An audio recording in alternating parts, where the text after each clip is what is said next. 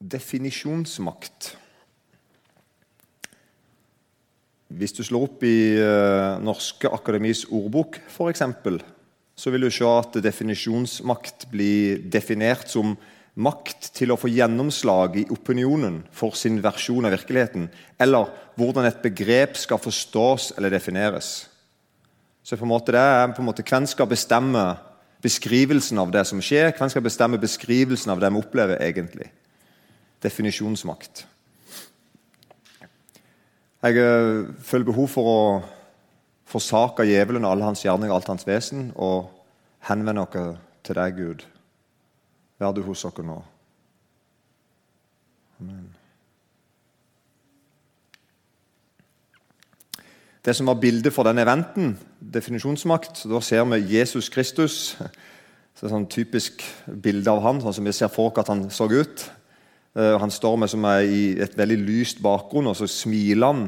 Kikker på oss og smiler og strekker ut ei hånd. Og vi ser at den handa er naglemerka. Jesus han påstår å ha definisjonsmakt. Han, han, vil, han, vil, ha siste ordet. Faktisk står det i Bibelen til slutt at han skal få helt siste ordet. Men hør f.eks. hva Jesus sier om Satan. Og Det er viktig å høre hva Jesus sier om Satan, ikke høre på hva Satan sjøl mener om seg sjøl. I Johannes 8,44 så sier Jesus sånn om Satan Han var en drapsmann fra begynnelsen og står ikke i sannheten. For det er ikke sannhet i ham. Når han taler løgn, taler han av sitt eget. For han er en løgner og løgnens far. Det er jo en forferdelig beskrivelse av Satan. At når han er helt seg sjøl, så lyver han. Og han er løgnens far. Satan er løgnens far. Og Sånn er det med han at det, han går på hvis du ikke er med på det uttrykket der, han går på alt og alle. Satan skyr ingen midler. Han, han, går på og forsøker seg på alle mennesker. Og her har jeg skrevet der at Han bryr seg ikke om om du er ateist. Altså, Han bryr seg ikke om om du tenker at eh, 'jeg tror ikke på djevelen'. Han bryr seg ingenting om det. Selvfølgelig. Det sier seg jo sjøl. Han bryr seg heller ikke om om du er religiøs, og i tilfelle hvilken religion du tror på. Jeg har skrevet her at Det nytter ikke å ikke tro på det onde når det onde kommer. Det, en, sant, det kan høres teit ut å si, men det er, det er litt sånn at noen liksom sånn Nei, de tror ikke på ondt og godt. Jo, jo. Når alt kommer til alt, så tror jeg alle mennesker er nødt til å si at det er noe, jeg møter noe som er ondt. Og det er altså på en måte si at jeg, jeg tror ikke på det onde, det vil vi si er naivt. Eller som bildet her, en struts som stikker hodet ned i sanden og håper at ting går over. liksom. Det funker ikke sånn. Og Det er heller ikke bare sånn at det er de som, det er ikke sånn at det er de som ikke kaller seg kristne, som har et naivt forhold til, det onde. Er? Det er ikke sånn at det kun er de som ikke er kristne, som tenker feil og enkelt og overenkelt om den onde. Jesus sine egne venner undervurderer ofte fienden. Altså Jesus sine egne venner undervurderer ofte fienden og søker ikke hjelp hos Jesus. For han vil hjelpe. Og Selv om det onde rammer alle mennesker, for det gjør det Alle slags mennesker, alle mennesker, i alle kulturer, samme hvor rik du er, eller hvor fattig du er, eller om du er sånn eller sånn, så ser vi likevel at Satan har et spesielt forhold til de som hører Jesus til. Han hater dem mer enn noen andre. Og han er nok mer interessert i å ødelegge livene til Guds folk. Det tror jeg vi har dekning i Bibelen for å si. Og Samtidig som man ikke klarer å vinne over dem for de hører Jesus til. Her er noe veldig rart da, at vi, vi, leser i Bibelen om at Jesus er seierherre og er sterkere enn Satan. Og, at, og allikevel så går Satan på å prøve å ødelegge, særlig de som hører han til. Jesus han sier sånn om, eh, om Satan i Johannes 10,10. 10. Tyven, som han da blir kalt her, tyven kommer bare for å stjele og myrde og ødelegge. Og så sier han motsetning, da. Jeg er kommet for at det skal ha liv og overflod. Så Jesus sier her altså om seg sjøl at han er kommet for å gi liv og overflod. Altså, Jesus er kommet for å gi mye, faktisk overflod. Og Så setter han opp en motsetning, at Satan han er kommet for å ta ifra oss. Dypest sett alt. Og Det gjør han ved å myrde, stjele og ødelegge.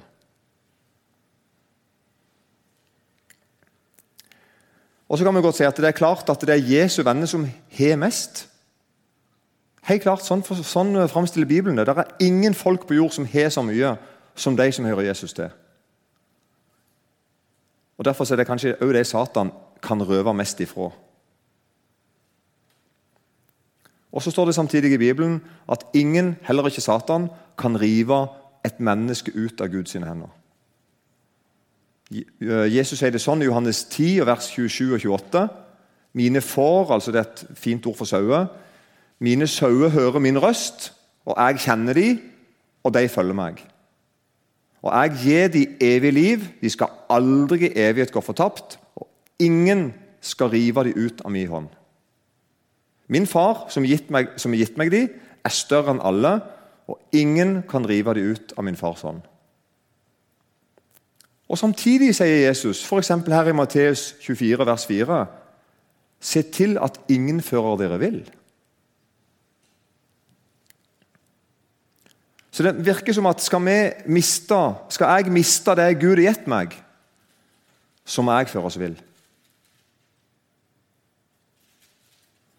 Og Da ser vi helt tydelig i Bibelen at løgn ser ut til å være en av de største strategiene den onde har. Og Da kan vi ta, gå til den store fortellingen i, i begynnelsen av, av, Bibelen, i 1. Mosebok kapittel 3, og se hvordan slangen, den onde, da, kommer som en slange og har en samtale med Adam og Eva. Og kommer, Slangen kommer inn i en situasjon som Gud allerede har sagt at er god. Gud har sagt til Adam og Eva nå er det godt. Dette er godt. Nå er alt godt. Dere er i en god situasjon, dere er det fint. Og Adam og Eva opplevde det at de hadde det fint. Alt var godt. De var enige med Gud.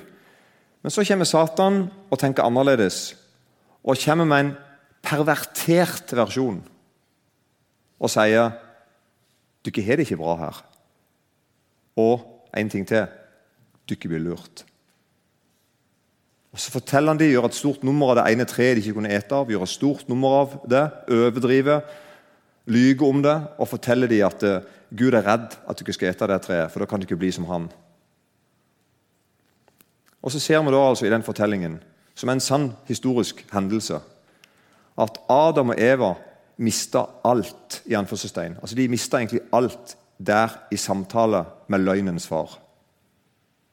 Er dere med på den? Det som egentlig ingen kunne røve ifra dem, det ga de bort.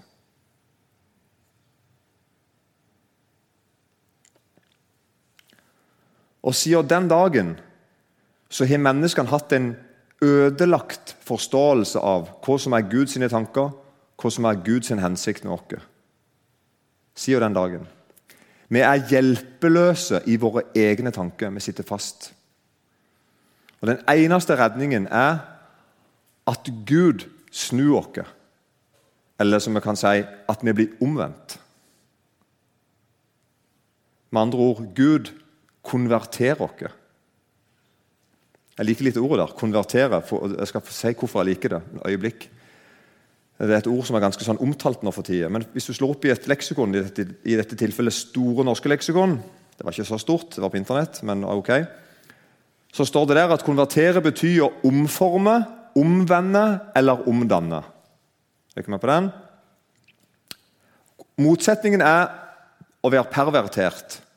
Da er våre tanker her om livet, våre tanker om oss sjøl, hvordan vi skal fungere, våre tanker om Gud, er pervertert. Det er på en måte motstykket til konvertert.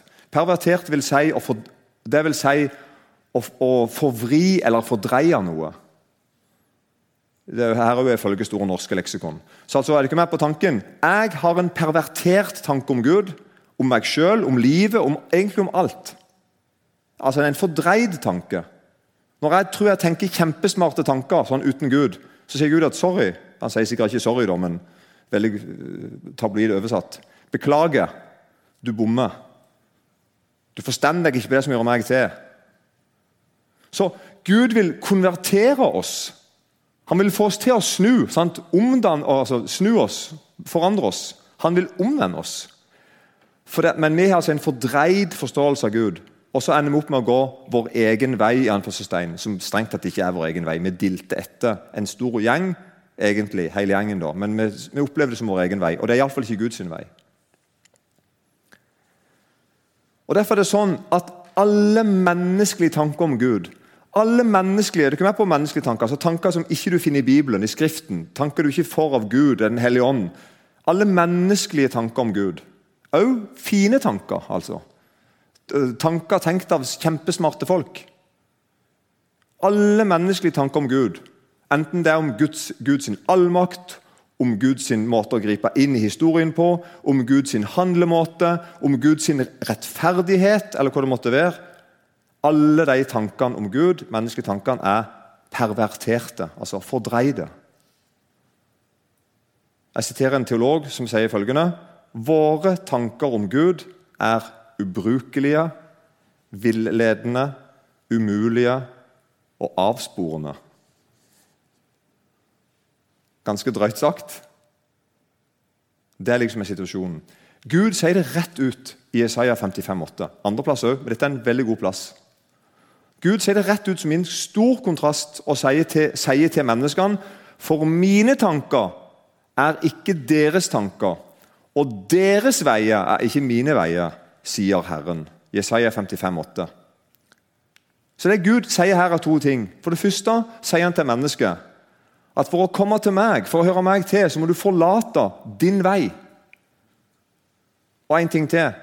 Du må til meg forlate din tanke, dine tanker. Det er to ting der. sant? For mine tanker er ikke deres tanker, og deres veier er ikke mine veier. Og da er det nok sånn at Mange har nok lyst til å forlate sin vei. Hvis du nå er på en litt dårlig vei, så tenker du at det var fint hvis noen kan hjelpe meg på en annen vei. Ikke sant? Å komme, komme inn på Guds vei og, og få del i velsignelsen og kanskje en dag komme til himmelen. Men tanken har mange ikke gitt ifra seg. Men Gud sier altså begge deler. Jeg vil ha veien din, jeg vil, og jeg vil være veien din, og jeg vil gi deg mine tanker. Som er helt annerledes enn dine tanker. Til og med når du er på ditt beste, så er det ikke tankene dine som Gud. Hvis vi leser dette i sin sammenheng i Isaiah 55, 6, så står det sånn Søk Herren mens han er å finne.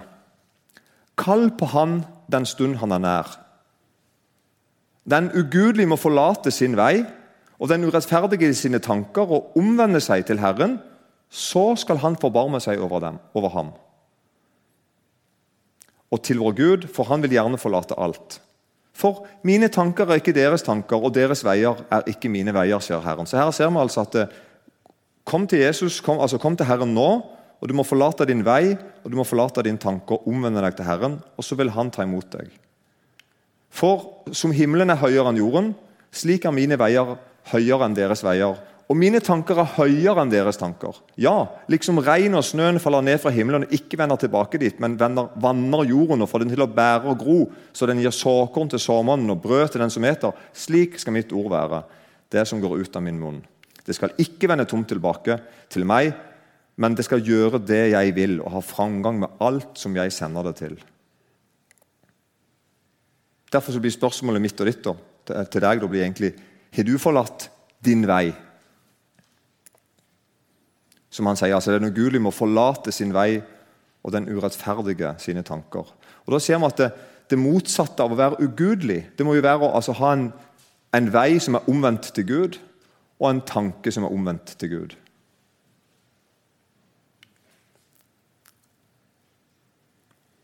En sånn en pervertert ting, for å komme med et sånn konkret eksempel Der jeg der jeg og deg ofte har en helt feil forståelse av, av det vi opplever, det er f.eks. ditt forhold til ting. Jesus han advarer mot noe som Bibelen kaller for havesyke. Det er på en måte en sykdom der du jeg må bare ha det. En havesyke. Havesyke. Og Havesyke kan man godt si er å ønske seg mer enn det en trenger. Det er én ting. Du, du, du, du, vil ha mer enn du egentlig strengt tatt behøver. det er en ting. Men det er òg at du på en rar måte tenker at da skal jeg få fred i sjela mi. Det skal, liksom, det skal liksom bety noe mer enn bare tingene. Og Bibelen kaller det for en sykdom, egentlig. Og I Lukas 12, 15 så sier Jesus det sånn Se til å ta dere i vare for all havesyke. For ingen har sitt liv av sin eiendom, selv om han har overflod. Og Dette er visdom på høyt nivå. Og Det er veldig fort til og med for et Guds barn å miste akkurat det. Og tenke at nei, nei, nei.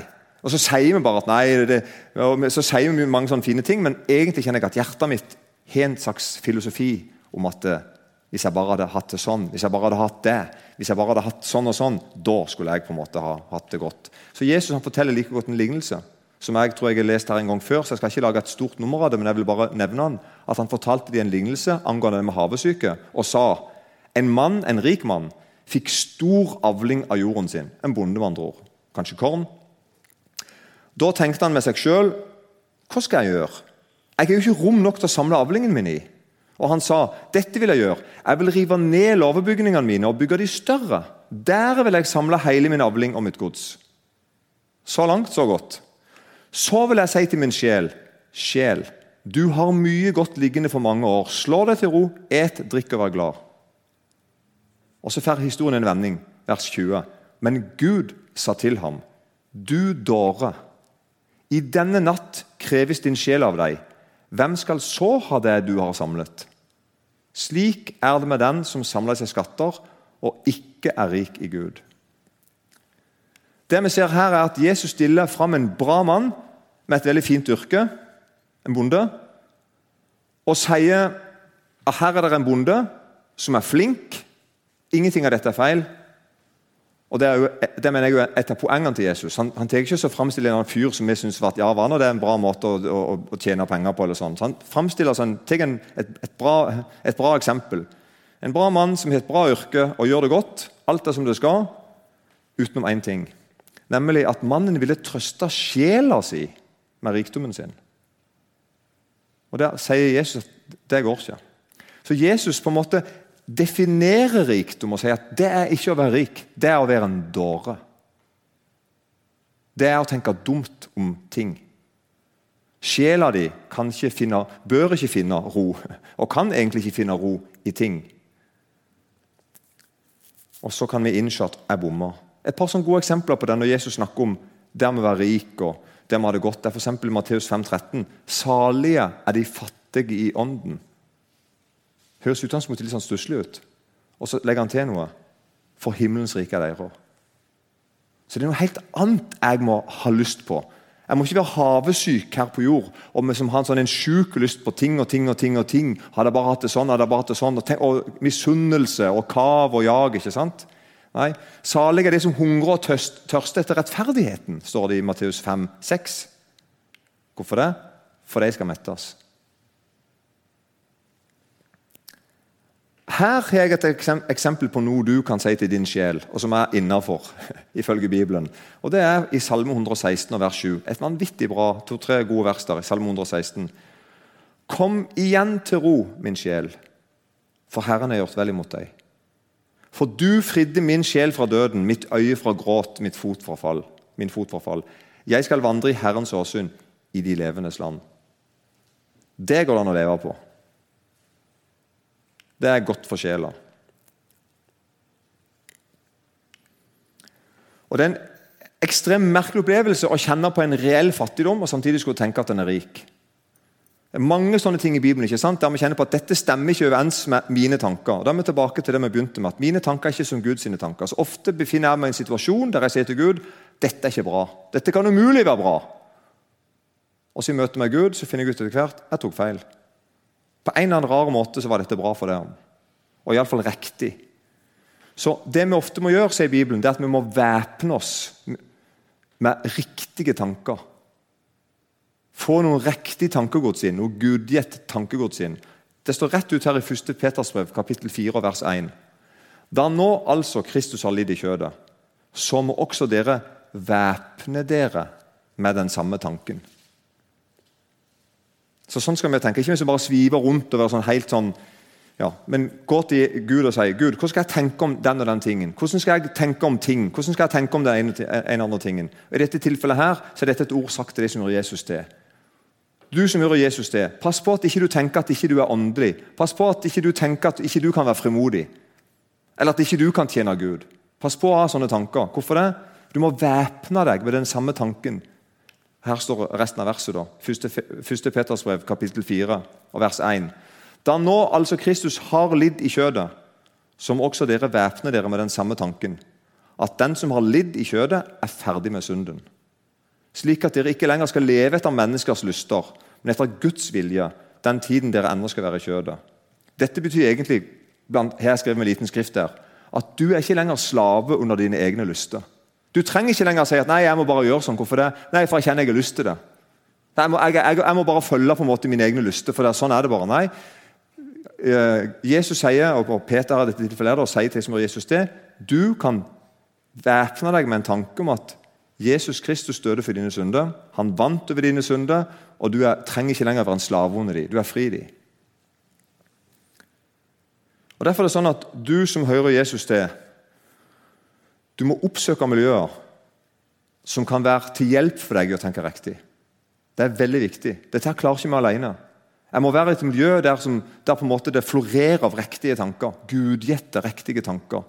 Tanker som er gitt dere av Den hellige ånd, som, som er gitt dere fra Bibelen. Miljøer, miljøer som f.eks. tror på det i Isaiah 55,8, at mine tanker er ikke Guds tanker, og mine veier er ikke sånn som Guds veier. Og det, Vi kan til og med øve oss på det. Kanskje ikke så vanlig oss å tenke. At det kan øve seg opp. Bestemme seg for at dette vil jeg dette her vil jeg få til. Altså, dette her vil jeg bli flinkere til. Jeg vil, jeg vil tenke riktige tanker. De gamle, faktisk Dette er en sang som en dansk prest skrev i 1902. De gamle sang sånne sanger. Kanskje noen av dere har vært med og sunget dere òg. Dette er første vers av en sang som har en litt verre vers, som heter sånn Lær meg å kjenne dine tanker og øves i å tenke dem.